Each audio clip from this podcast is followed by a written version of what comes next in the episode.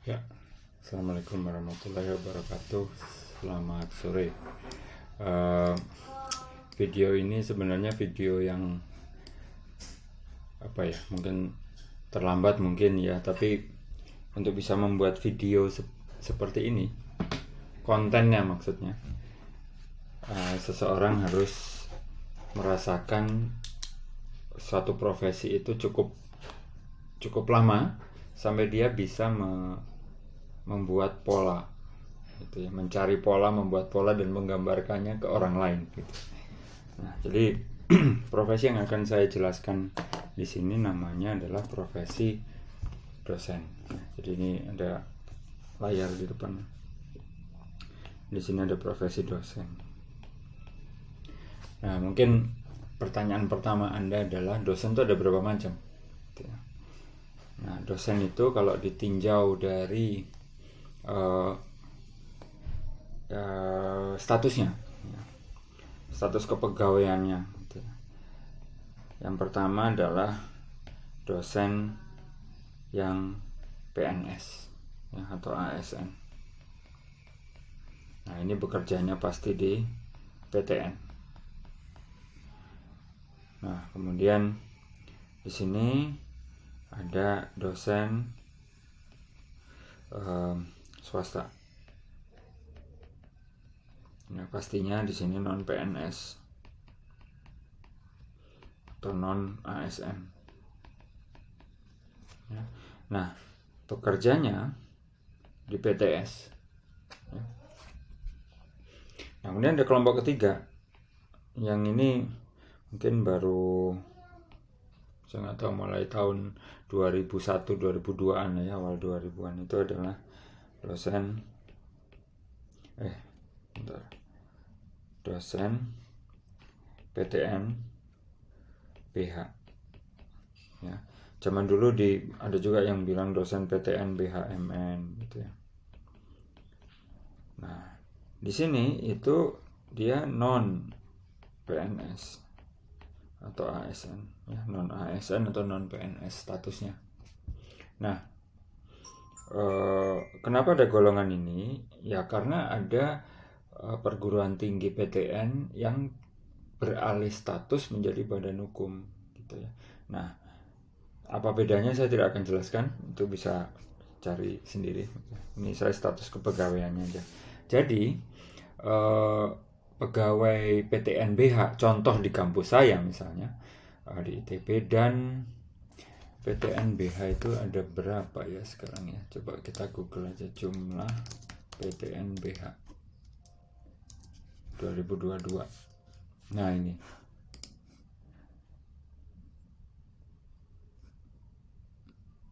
Nah jadi ya ini kurang lebih ada 21 21 PTN yang sudah beralih status menjadi PTNBH Nah, dosen-dosen yang bekerja di uh, universitas atau perguruan tinggi perguruan tinggi ini bisa dua statusnya. Bisa dia diangkat sebagai PNS atau dia diangkat sebagai uh, dosen PTNBH gitu ya. Nah, statusnya ya ini kurang lebih sama dengan ini sebenarnya.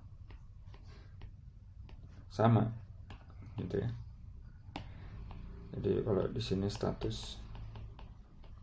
Jadi statusnya sama antara PTNBH dengan PTS karena itu semua diatur sendiri diatur secara lokal oleh universitas yang yang dimaksud gitu ya. Atau PT perguruan tinggi yang bersangkutan ya. Nah jadi kurang lebih seperti ini statusnya. Nah dari sisi status memang ada perbedaan ya perbedaan dalam arti kalau yang ini dan ini yang PNS dan PTNBH relatif ya, relatif. Saya tidak bisa bilang sama atau mirip tapi relatif ya, relatif sama uh, ininya apa namanya haknya. Haknya relatif sama uh, yang diterima di sini maka diterima juga di sini gitu tapi mungkin namanya beda gitu ya. namanya beda kemudian bisa jadi besarannya juga beda gitu ya. dan tidak harus yang namanya dosen PTNBH mendapatkan nominal lebih besar dibanding dosen PNS gitu ya ketika dia bekerja di institusi yang sama PTNBH yang sama gitu ya. Jadi kan tadi saya sudah sebutkan PTNBH pegawai dosen bisa dua. Bisa PNS bisa non PNS nah dua-duanya ini pasti punya hak yang sama juga kurang lebih begitu ya. E, tidak selalu juga oh PTN dosen PTNBH dapat hak yang lebih besar gitu. Tidak selalu juga begitu ya. Jadi uh, sama. Saya bisa bilang sama. Itemnya dan nominalnya sama. Nah untuk yang ini nah ini yang memang bervariasi ya yang swasta ini. Bergantung kepada besar kecilnya perguruan tinggi dan bergantung pula dengan uh, kondisi yayasannya. Gitu. karena kalau PTS kan uh, yayasan ya yang mengelola uangnya. Nah jadi kalau dari sisi hak itu bisa dibilang tidak sama antara yang nomor satu, nomor tiga dengan nomor dua. Nah kalau yang nomor satu dengan nomor tiga itu relatif sama. Gitu ya. Nah itu itu status. Itu tentang status. Nah sekarang masalah kewajiban. Tadi sudah saya bilang haknya, ya. Dan yang disebut hak itu bisa macam-macam ya, bervariasi namanya macam-macam juga. Biasanya sih yang sudah jelas itu kalau PNS ya uh, gaji pokok, kemudian tunjangan uh, profesinya gitu ya. Kemudian kok tunjangan profesi itu hanya untuk dosen yang sudah sudah ikut sertifikasi dosen gitu ya. Dan mayoritas sudah dan pasti diagendakan biasanya begitu.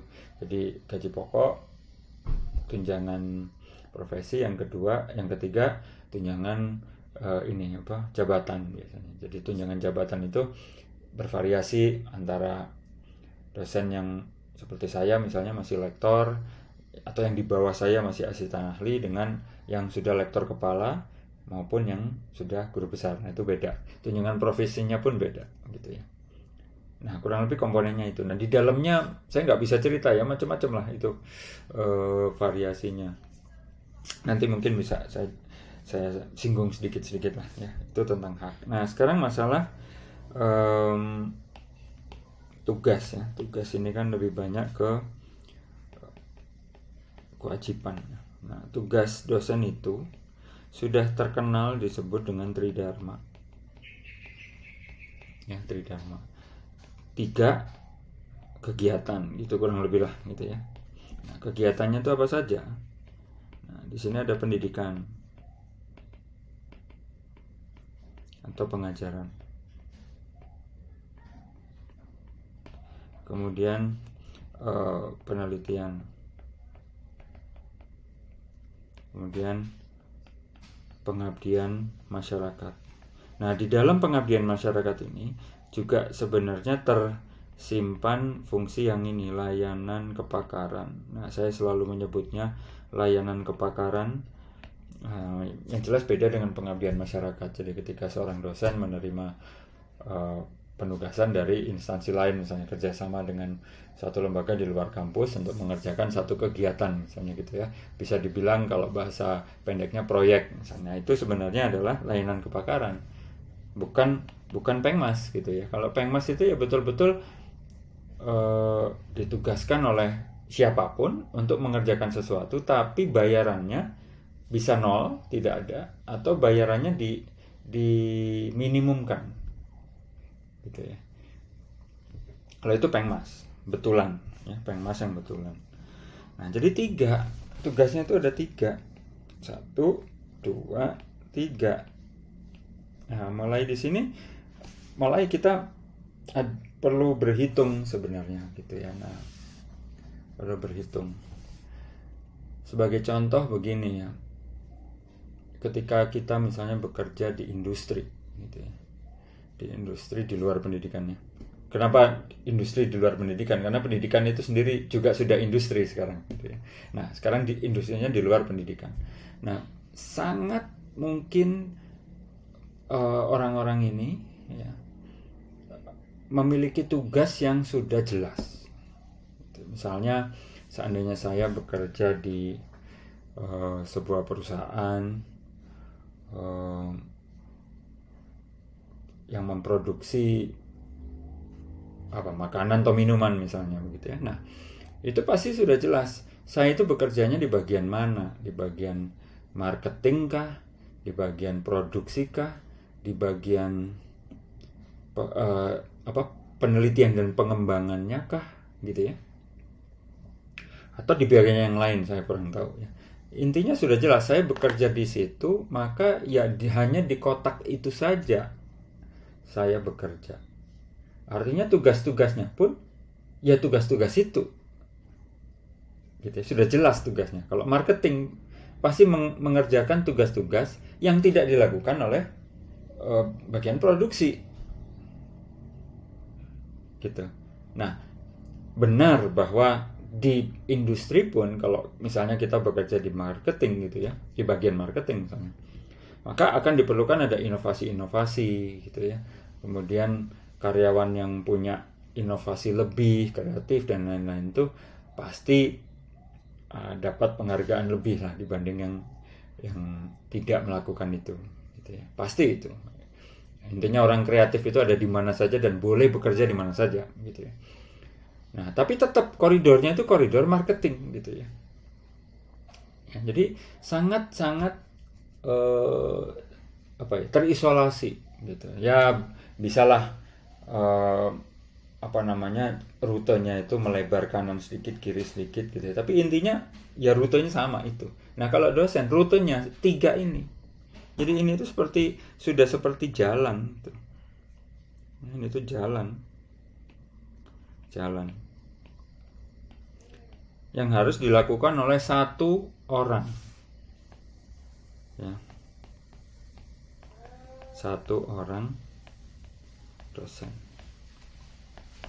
Nah, tentu eh, apa namanya yang namanya bekerja di mana pun tidak harus jadi dosen pasti per, pasti dibutuhkan dan didorong untuk melakukan kerjasama berjejaring berkolaborasi dengan temannya pasti tapi di dalam uh, apa eksklusif ya di di dunia pendidikan ya di pendidikan tinggi seperti ini. Satu dosen itu bakunya adalah secara baku ya otomatis begitu dia me menyeburkan diri jadi dosen itu maka tiga ini tanggung jawabnya. Gitu ya. Nah tapi kemudian ada juga perkembangan sebenarnya. Di sini tuh ada di beberapa universitas ya itu ada golongan keempat sebenarnya tapi ini belum belum umum ya, belum umum, tapi sudah mulai ada, yaitu dosen peneliti. Nah, kalau dibandingkan dengan ini, dosen yang reguler, saya sebut saja begitu ya, maka dia hanya ke sini. Ini dosen peneliti hanya ini. Dia tidak wajib ini, ya tidak wajib ini. Walaupun tidak dilarang tapi karena kontraknya biasanya ini dosen PTN yang BH PTN BH ya bukan BNS biasanya. Nah tapi kalau dia sudah menandatangani kontrak dengan satu perguruan tinggi badan hukum dengan posisi dosen peneliti, maka mestinya load penelitiannya besar sekali gitu. Dia tidak akan sempat ngajar ya, logikanya ya dan dia juga tidak akan sempat melakukan pengabdian masyarakat atau layanan kebakaran. Gitu ya. Nah saya kurang tahu juga kemudian haknya beda atau tidak saya kurang tahu ya.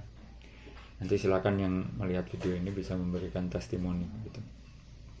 Nah jadi tiga ini. Nah dari sini mungkin orang merasa oh iya ya enak ini kerjanya. Sudah jelas tiga. Bisa saja misalnya pagi ngajar siang meneliti kemudian siang ke sore proyek misalnya begitu ya bisa dan ada juga yang begitu gitu ya nah tapi kalau misalnya kita betul-betul mau melakukan ini betul-betul ya melakukan ini maka di sini tuh akan banyak sekali bukan hanya ngajar bukan hanya ngajar. Di sini juga bukan hanya meneliti. Kalau kita mau melakukan betul ya. Di sini juga bukan hanya melakukan sesuatu apa pun itu, gitu ya. Nah, kenapa? Kenapa? Karena ketika kita ngajar, maka selalu ada materi. Ini harus siap dulu, gitu ya. Yang kedua, eh, materi itu bahan ya, bahan. Yang kedua, ya tentunya pengetahuan ya kita harus paham dulu gitu ya. Nah, yang ketiga, keempat dan seterusnya itu sebenarnya lebih kepada administrasi ya. Misalnya uh, di situ ada silabus ya. Ada ada dokumen-dokumen lain-lain lah ya yang berkaitan dengan ini gitu. Ya, yang mana kalau dilakukan semua maka kita nanti bisa memberikan me, me, me, membuat kotak gitu mana yang yang makin mana yang dekat dengan substansi mana yang lebih dekat dengan administrasi. Itu nah silabus mungkin masih substansi. Tapi kemudian kalau dilakukan betul itu bisa merembet itu ke mana-mana. Gitu ya. Contoh misalnya. Di sini itu nanti bisa saja itu ada kegiatan penunjang namanya. Ya. Misalnya menjadi panitia. Kalau bahasa bekennya di dunia dosen itu satgas gitu. Nah, satgas ini macam-macam. Nah, itu menjadi ekses ini mulai terasa ini ya.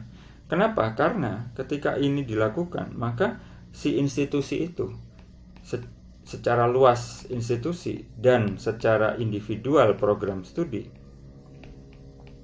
itu harus melakukan akreditasi. Nah, mulai ini. Sebagian orang masih bilang oke okay, akreditasi itu uh, substansi sifatnya. Menurut saya tidak, itu administrasi. Gitu ya. Saya tidak bilang jelek, saya tidak bilang jelek bahwa uh, administrasinya itu tidak perlu dilakukan, tidak, tidak. Saya pun masih melakukan sampai hari ini dan saya menikmati, gitu ya. Hanya maka memang semakin ke sini, makin banyak dokumen administratif yang harus disubmit, gitu. Ya, baik di level akreditasinya nanti bisa macam-macam gitu ya. Ini nanti bisa level nasional. Pada program studi yang sama bisa level internasional. Ya berikutnya nanti akan ada lagi misalnya permintaan tentang um, SPM SPM itu uh, tentang kendali mutu misalnya. Banyak setidaknya lebih dari satu pasti kegiatannya selain ngajarnya sendiri gitu ya. Jadi selain ngajarnya sendiri akan ada kegiatan-kegiatan lain yang muncul sebagai dampak dari kegiatan pendidikannya. Ya nanti bisa saja di sini um, atau ada sertifikasi. Nah kurang lebih seperti inilah. Kegiatan-kegiatan yang yang kembali lagi banyak orang bilang ini substansi karena ya akreditasi itu kan isinya ingin mengendalikan uh, kualitas pak di dalam sebuah prodi di dalam sebuah perguruan tinggi ya secara institusi ini. Itu harus ada apa jumlahnya harus cukup dan seterusnya. Iya betul. Cuman ketika kita diminta mulai mengerjakan kegiatan asesmen ini gitu ya, mulai kelihatan itu sebenarnya akan akan lebih banyak administrasinya. Boleh kalau ada yang tidak setuju boleh sekali gitu ya. Tapi Mari kita rasakan sama-sama. Nah, kurang lebih seperti ini rentetannya. Gitu. Belum lagi misalnya kalau program studi ini tuh membuat uh, program itu multiple ya banyak. Jadi misalnya ada kelas yang nasional atau reguler misalnya, kemudian tiba-tiba ada yang membuat kelas internasional misalnya. Kemudian belum kalau misalnya uh, sebuah perguruan tinggi negeri dan mungkin juga uh, saya nggak tahu swasta pernah atau tidaknya. Itu mendapat penugasan dari pemerintah baik pemerintah pusat maupun pemerintah daerah untuk kemudian misalnya membangun perguruan tinggi cabang gitu.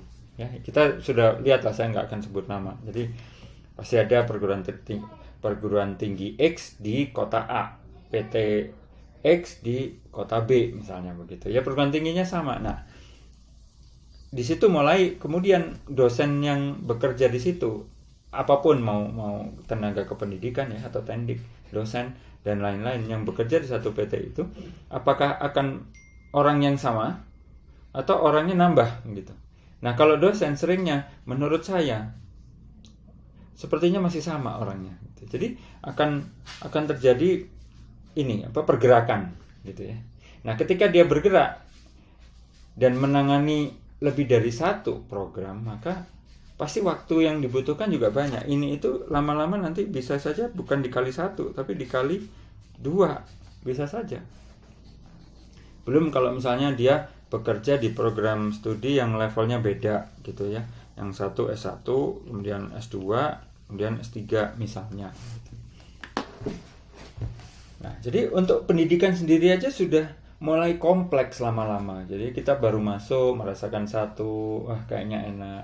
Nanti tahun berikutnya merasakan dua tugas dan seterusnya. Akhirnya pada satu kondisi saya hampir tidak pernah ketemu dosen yang tidak merasa jenuh menangani program kampus selain ngajar. Nah, ini yang yang unik sebenarnya ya. Ah, ini yang unik. Jadi saya juga hampir tidak ketemu dosen yang bosen ngajar. Saya hampir tidak pernah menemukan yang seperti itu. Gitu ya. Nah, yang mereka bosan biasanya adalah pekerjaan yang melingkari kegiatan ngajar ini, yang lama-lama memang loadnya kemudian jadi membesar, gitu. Ya, nah kalau yang golongan seperti itu saya sering ketemu hampir setiap hari, hampir setiap hari. Gitu ya. Jadi yang merasa jenuh, bosan, capek menangani kegiatan-kegiatan menjadi dampak dari kegiatan pendidikan itu, yang kemudian didefinisikan sudah me, didefinisikan oleh mereka sudah menjauh dari substansi, gitu ya. Tapi sekali lagi uniknya adalah uh, bisa saja ada orang yang bosan ngajar, tapi uniknya adalah saya hampir tidak ketemu orang yang bilang bosan ngajar. Oke, ini baru satu section, satu segmen, gitu ya. Segmen berikutnya, kegiatan penelitian. Nah, kegiatan penelitian ini ya bisa dibilang wajib. Kenapa? Karena sumber dari pendidikan itu ya penelitian. Jadi ini tuh ada dua arah begini. Jadi kalau dosen mau ngajar ya harus meneliti dan kalau dia sudah meneliti ya harus diajarkan gitu kurang lebih ya. Vice versa yang bolak-balik gitu. Ya, jadi ini bolak-balik. Gitu. Nah sampai di sini menyenangkan memang menyenangkan. Dan yang disebut penelitian itu tidak harus loh ya. Yang dapat dana miliaran dari pemerintah misalnya menang hibah miliaran dari pemerintah. Tidak harus yang begitu. Penelitian kecil saja yang dibiayai dalam tanda kutip kita resource sharing ya berbagi biaya dengan mahasiswa misalnya skripsi S1 gitu ya. Dosen bantu apa mahasiswa mengeluarkan apa dari orang tuanya gitu ya dana untuk melakukan tugas air itu juga penelitian. Itu juga penelitian. Jadi ketika saya bicara ini saya tidak bilang penelitian ini adalah hanya yang dibiayai oleh pemerintah atau swasta atau siapa pun dengan nilai ratusan juta bahkan miliaran. Tidak. Gitu. jadi ini yang kecil-kecil penelitian mandiri itu pun termasuk. Gitu ya. Nah meneliti itu menyenangkan. Saya sampai hari ini tidak pernah bosan meneliti. Kenapa? Karena memang sudah sudah sudah ada pakemnya gitu ya. Jadi meneliti itu apa sih? Ya yang penting ada data analisis kemudian kesimpulan. Sudah selesai. Sampai di sini mau skalanya sebesar apa pun dananya maupun yang sekecil apa pun, ya tiga ini gitu. Nah, di sini ada masalah palingnya. Berawal dari masalah. Nah, itu. Nah, kemudian menjadi masalah, mulai timbul masalah gitu. Nah, memang terkesan saya menyebut selalu masalah. Gitu. Ada orang yang bilang um,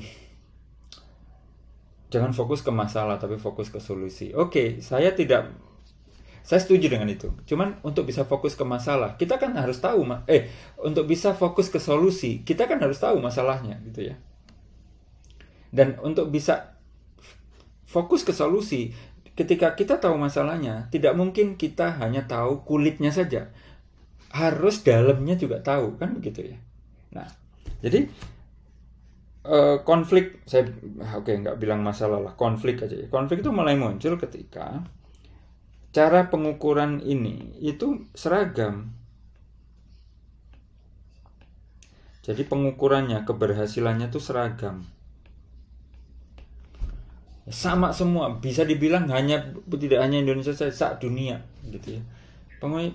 Pengukurannya seragam. Nah, apa? Nah, di sini dihitung dari jumlah artikel atau makalah yang ditulis. Ya. Yang kedua, ini yang tidak masuk akal adalah jumlah sitasi. Ya, sitasi itu kalau misalnya saya nulis makalah, ada orang lain yang yang menyitir atau merujuk makalah saya, maka sitasi saya nambah satu. Nanti ada orang lagi yang menyitir makalah saya, maka sitasi saya nambah satu lagi jadi dua gitu ya. Nah, kurang lebih seperti itu. Nah, itu menurut saya rada itu menurut saya tidak masuk akal. Jadi semakin ke sini, eh, semakin ke sini itu semakin tidak masuk akal. Kenapa tidak masuk akal? Banyak sekali yang mendebat saya. Ya. Kenapa tidak masuk akal? Ya karena kita tidak bisa mengendalikan ini. Eh, sorry.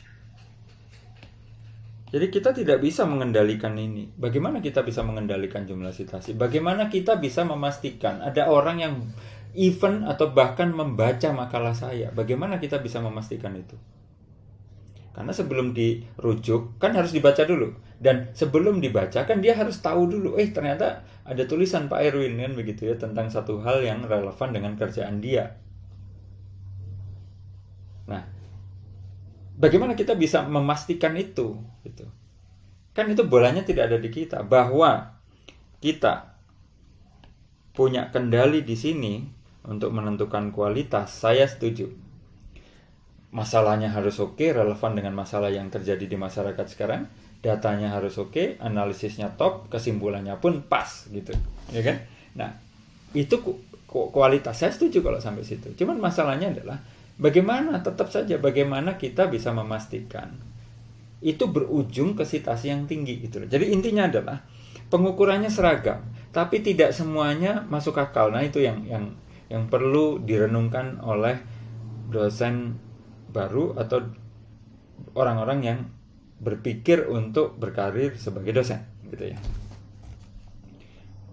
Karena banyak juga bidang-bidang tertentu yang sempit, tidak terkenal bidangnya, orang yang bekerja di situ tidak banyak. Ya jumlah citasinya akan itu-itu saja. Oh, penelit penelit jumlah orang yang bekerja di situ juga tidak banyak kok gitu. Di sisi lain ada orang yang bekerja di bidang-bidang yang memang beken, terkenal, sedang beken saat itu, maka e, jumlah citasinya pasti tinggi. Kenapa? Karena orang-orang banyak yang kerja di situ, gitu ya. Nah, jadi tidak seluruh cara pengukuran di dunia pendidikan tinggi itu masuk akal. Nah, itu yang yang sudah saya garis bawahi. Tidak semua masuk akal. Ya, Anda sangat boleh tidak setuju. Tapi mari kita rasakan sama-sama, gitu ya. Nah, oke. Okay. Sekarang penelitian dari sisi pelaksanaannya oke. Okay. Nah, sekarang bagaimana dengan jumlah uangnya? Dana penelitian itu dari mana? Tadi sudah saya sampaikan, dana mandiri bisa. Oh, berarti harus modal sendiri dong. Iya. Iya. Jadi dosen itu banyak mengeluarkan modal sendiri. Itu jangan itu tidak itu harus disadari gitu ya. ya besar atau kecil relatif gitu ya. tapi dosen sudah sangat lumrah kalau dia mengeluarkan uang sendiri ya mungkin bagi anda yang bekerja di kota besar di perguruan tinggi besar mungkin tidak terlalu terasa kenapa karena yang masuk ke situ atau PTS yang sudah besar ya yang masuk ke situ ya anak-anak yang mampu dari sisi finansial. Sekarang coba kalau Anda bekerja di perguruan tinggi yang tidak besar, berlokasi di suatu tempat di wilayah perbatasan misalnya. Yang untuk ke sana itu perlu 12 jam sendiri. Kalau Anda melihat mahasiswa tidak punya biaya misalnya, apa iya tidak Anda bantu gitu ya? Terlepas dari terlepas dari apa namanya sumber uangnya dari mana ya bisa saja kita mencarikan penelitian mungkin mencarikan proyek supaya bisa membantu mereka supaya kita juga bisa punya uang cadangan untuk melakukan penelitian ya bisa juga dengan cara itu tapi kalau itu tidak ada ya kita harus berupaya sendiri begitu bisa saja yang masuk ke sini itu sebenarnya bukan uang yang disisihkan tapi kita menyisihkan dari penghasilan kita yang yang kita dapatkan dari sini jadi bukan kemudian misalnya misalnya gini ya, saya dapat proyek misalnya 100 juta, honor saya 10 juta misalnya. Dan saya berhasil menyisihkan 2 juta misalnya, di luar yang 10 juta. Nah, kalau itu nggak masalah gitu ya. Hak saya 10 juta tidak berkurang gitu ya. Saya bisa langsung kirim ke orang rumah begitu. Nah, tapi apa yang terjadi kalau yang 2 juta itu masuk ke dalam yang 10 juta? Nah banyak orang bilang ya itu kan investasi nanti kan pangkat naik itu pasti tergantikan. Iya betul. Saya saya tidak tidak tidak menolak itu ya. Cuman apa iya untuk bekerja kita harus memodali diri sendiri. Padahal status kita bukan wira us, wira usahawan. Nah, artinya apa? Artinya apa? Menjadi dosen di sini ada kesimpulan sedikitnya di sini harus ya pinter oke okay lah ya ini pinter otaknya harus oke okay. ya yang kedua dia itu harus setengah. Pengusaha. Jadi dia harus punya jiwa pengusaha juga untuk wirausaha gitu ya. Bukan jualan bukan. Tapi ketika dia melakukan sesuatu maka di kepala dia harus ada sekian persen dari apa yang dia upayakan itu untuk investasi. Harus itu. Ya setengah pengusaha gitu ya nah kemudian jumlah artikel ini juga menurut ya nulis kan gampang betul nulis mudah tidak sulit bagi yang tahu caranya Nah, jadi Nah, ini saya juga uh, dapatkan ketika saya sudah beberapa tahun jadi dosen gitu ya. Ngomong-ngomong saya jadi dosen itu kalau resminya PNS itu sejak 2001. Ya, 2001. Tapi tidak resminya ya sejak saya lulus S1 tahun 98 gitu ya. Bayangkan, lulus S1 98 baru jadi PNS 2001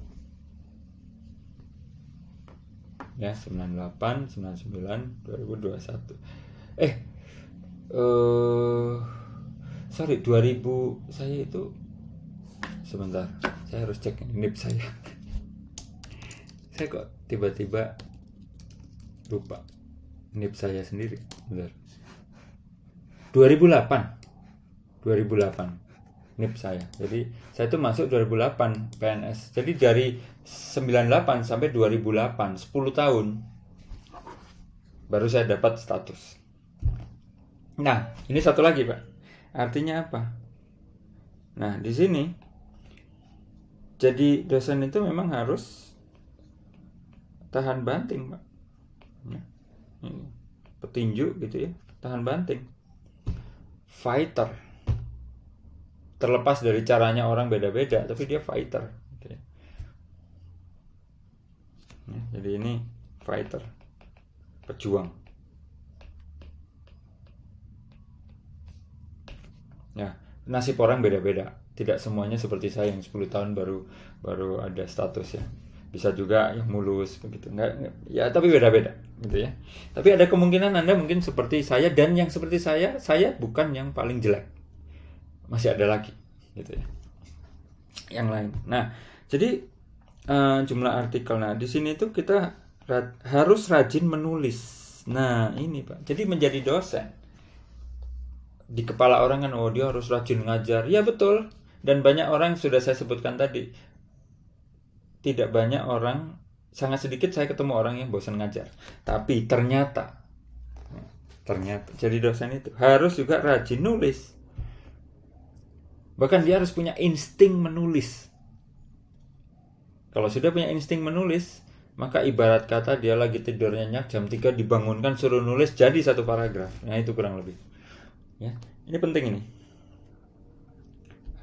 Kalau Anda tidak punya insting menulis, jiwa menulis, rajin menulis, punya keinginan gitu ya untuk menulis or, agar orang lain tahu apa yang Anda kerjakan maka Anda harus menulis maka kecil kemungkinan Anda bisa bertahan menjadi seorang dosen yang reguler. Hmm? Nih. Kenapa? Ya karena ini outputnya tulisan gitu. Ya. Nah, sekarang yang nomor tiga ya, yang ini. Pengmas atau layanan kebakaran. Nah, ini ini biasanya selalu jadi solusi ketika orang jadi dosen. Ya kan bisa meroyek ke sana sini begitu ya dapat uang. Betul. Saya tidak menolak uh, anggapan itu. Betul. Nah tapi perlu diingat juga bahwa apa yang anda dapatkan di sini ya, dalam bentuk uang itu sebenarnya harus diinvestasikan di sini sebagian juga sebagian juga ke sana. Ingat tadi dosen tuh membiayai diri sendiri. Beli laptop saja nggak mungkin anda punya laptop yang layak gitu. Kalau anda tidak berusaha sendiri tidak mungkin anda minta ke perguruan tinggi sebesar apa pun. Ya laptop untuk keperluan pribadi yang anda pakai sehari-hari anda bawa pulang anda bawa meroyek anda bawa ke mana-mana gitu. Nggak akan. Ya kecuali Anda mungkin sudah pernah menjabat suatu posisi di perguruan tinggi itu. Nah, barulah itu ada fasilitas. Yang fasilitas itu bisa saja kemudian dipinjamkan kepada Anda sampai rusak misalnya. Nah, itu sering terjadi, itu biasa. Tapi kalau Anda tidak menjabat apa-apa, Anda dosen biasa, nggak bisa ke rektor atau ke siapa pun minta saya minta dibelikan laptop. Nggak bisa. Anda harus muncul dengan kegiatan dulu. Gitu ya. Nah, kegiatan itu dari mana? Ya dari sini bisa dari sini, bisa dari sini. Gitu. Ya, jadi harus kegiatan ada kegiatan dulu gitu. Ya, jadi intinya tidak ada yang tidak ada yang gampang untuk masalah fasilitas. Ya, itu baru perlengkapan pribadi ya, laptop begitu atau komputer, meja. Perlengkapan yang masuk ke dalam apa namanya? Perangkat utama misalnya alat-alat laboratorium misalnya kalau Anda tidak di bidang sosial ya. Alat-alat laboratorium kemudian komputer yang ada di laboratorium mungkin untuk praktikum. Alat-alat pendukungnya misalnya software. Nah itu hampir tidak ada yang anda bisa dapatkan secara mulus minta ke perguruan tinggi Anda masing-masing kecuali perguruan tinggi Anda juga kebetulan dapat hibah. Ada program hibah dapat dari luar atau memang perguruan tinggi Anda sedang mencanangkan program melengkapi diri sendiri. Nah, harus pas begitu. Kalau nggak pas begitu, tidak ada kegiatan. Nah, yang ketiga apa? Dari sini. Ya dari sini kembali lagi dari sini, sini atau sini dalam bentuk hibah. Ya karena hibah dari pemerintah juga banyak. Ada yang bidang pendidikan, penelitian, pengabdian masyarakat juga ada banyak. Ya, tapi yang yang yang apa namanya? Yang ingin dapat juga banyak gitu ya. Begitu. Nah jadi bersaing. Nah di sini fighter itu juga ada hubungan dengan uh, dosen tuh harus kompetitif. Kompetitif. Ya. Nanti di akhir mari kita bandingkan kondisi ini dengan kondisi kalau dia bekerja di industri gitu ya. Harus kompetitif bersaing setiap hari nyaris gitu ya kalau lagi ada grand hibah grand ya harus rajin uh, bikin proposal. Nah supaya bisa bikin proposal kan harus rajin nulis. Kenapa? Karena untuk bisa dapat program penelitian syaratnya juga ini kan tadi. Ini ini harus cukup tinggi ini. Ya mana tadi? Oh ini. Ini juga cukup tinggi. Kalau tidak cukup tinggi pasti ditolak usulan anda walaupun bagus Artinya apa? Anda belum memenuhi syarat itu. Bukan programnya yang belum memenuhi syarat usulannya, tapi Anda sebagai pengusul ya yang belum memenuhi syarat. Gitu. Jadi Anda bersaing pagi, siang, sore, malam, besok lagi pagi, siang, sore, malam. Memang berkutat di sini-sini saja. Gitu. Ya nulis, ngajar, meneliti, nulis, ngajar, meneliti, nulis, ngajar, meneliti dan seterusnya. Terus gitu, muter terus setiap hari. Ya, kenapa ya? Karena ini kompetitif ini. Ada juga kegiatan-kegiatan hibah yang yang kemudian syaratnya itu jabatan. Jadi kalau tidak jabatan tertentu dia tidak dapat misalnya. ya kurang lebih seperti itulah ya selalu ada clickbait gitu, supaya anda ingin maju terus kompetitif ya di satu sisi bagus tidak ada masalah saya pun mencoba sampai hari ini bertahan dan bisa alhamdulillah bertahan tapi banyak juga yang tidak bertahan nah oke nanti itu saya bicara yang lain ya nah sekarang kembali ke sini ya. Layanan kebakaran ini juga menjadi solusi. Nah tapi layanan kebakaran anda meroyek itu kan perlu waktu. Perlu tenaga juga, perlu pemikiran juga kan. Artinya pasti ketika Anda melakukan sekian jam di sini, pasti ada sekian jam di sini atau di sini dan di sini dan atau ya yang berkurang. Ya, jadi nggak mungkin kita melakukan semuanya pada waktu yang sama kan gitu. Pasti keseimbangan itu bisa dicari, tapi pasti suatu saat begini-begini gitu ya. Kadang miring ke sana, kadang miring ke sini gitu. Ya. Banyak yang survive banyak, yang tidak survive pun banyak yang tidak survive karena uh, wafat juga tidak sedikit karena melakukan ini terutama ya banyak capek pak capek capek melakukan ini kenapa ya karena sudah melakukan ini capek karena pikiran kita itu kan sebenarnya tidak bisa dibagi tiga switch tidak bisa gitu ya yang ada yang dibagi tiga begini gitu ya tiga Nah, ketika memikirkan yang ini, yang ini masih teringat gitu ya. Oh, belum ini, belum itu. Jadi tidak pernah konsentrasi nyaris, nyaris tidak pernah bisa konsentrasi full diam gitu. Oke, mengerjakan ini. Ada orang yang bisa, ada dan tidak sedikit ya. Tapi banyak juga yang tidak bisa. Nah, nah sampai di sini mungkin kita bisa mulai paham ya bahwa jadi dosen itu statusnya udah jelas, tugasnya juga udah jelas, banyak begitu ya. Kemudian uh, ini karakternya. Jadi dosen itu memang harus pintar. Pintar bukan hanya pintar keilmuannya, tapi juga dia harus pintar macam-macam bergaul, pintar harus bisa menyesuaikan diri dengan berbagai lingkungan, bisa berkomunikasi dengan baik ya, pintar gitu, tidak gampang marah. Kalaupun marah itu terarah gitu ya, saya juga sering marah gitu. Tapi marah saya saya ingin marahnya itu terarah gitu ya. Bukan marah banting meja kemudian tidak memberikan solusi gitu ya, tidak begitu Kemudian setengah pengusaha. Jadi investasi itu harus ada di sini. Ingat, kalau dapat uang harus ada investasi. Gitu ya. Fighter pejuang ini penting. Kenapa? Karena harus kompetitif. Nggak mungkin nggak kompetitif. Semakin ke sini harus kompetitif. Sejak dia belum jadi dosen pun untuk bisa S3. Ya. Nah, jadi dosen itu sekarang. Saya tidak bilang mutlak ya, tapi rasanya ya sudah harus S3 lah walaupun tidak mutlak ya. Karena kalau anda masuk sebagai S2 pilihannya bisa dua. Anda tetap S bisa S3 bisa juga anda tetap S2 terus. Kenapa? Karena anda sudah terlalu sibuk melakukan ini pak nah kalau sudah terlalu sibuk melakukan sesuatu karirnya tidak berkembang karena dia masih S2 maka ya segitu saja karirnya. Gitu. jadi karirnya dosen itu hanya akan menjadi seolah-olah dalam tanda kutip batasnya langit itu kalau sudah di sini pak. Kalau sudah di sini dan dia sudah guru besar. Oh langit. Ya tapi kalau tidak dalam kondisi yang seperti ini memang harus ekstra ya. Nah nah sekarang kita terakhir ini ya. Mari kita bandingkan ya. Ini dengan kondisi yang biasa kalau kita bekerja di industri. Yang jelas ini tidak.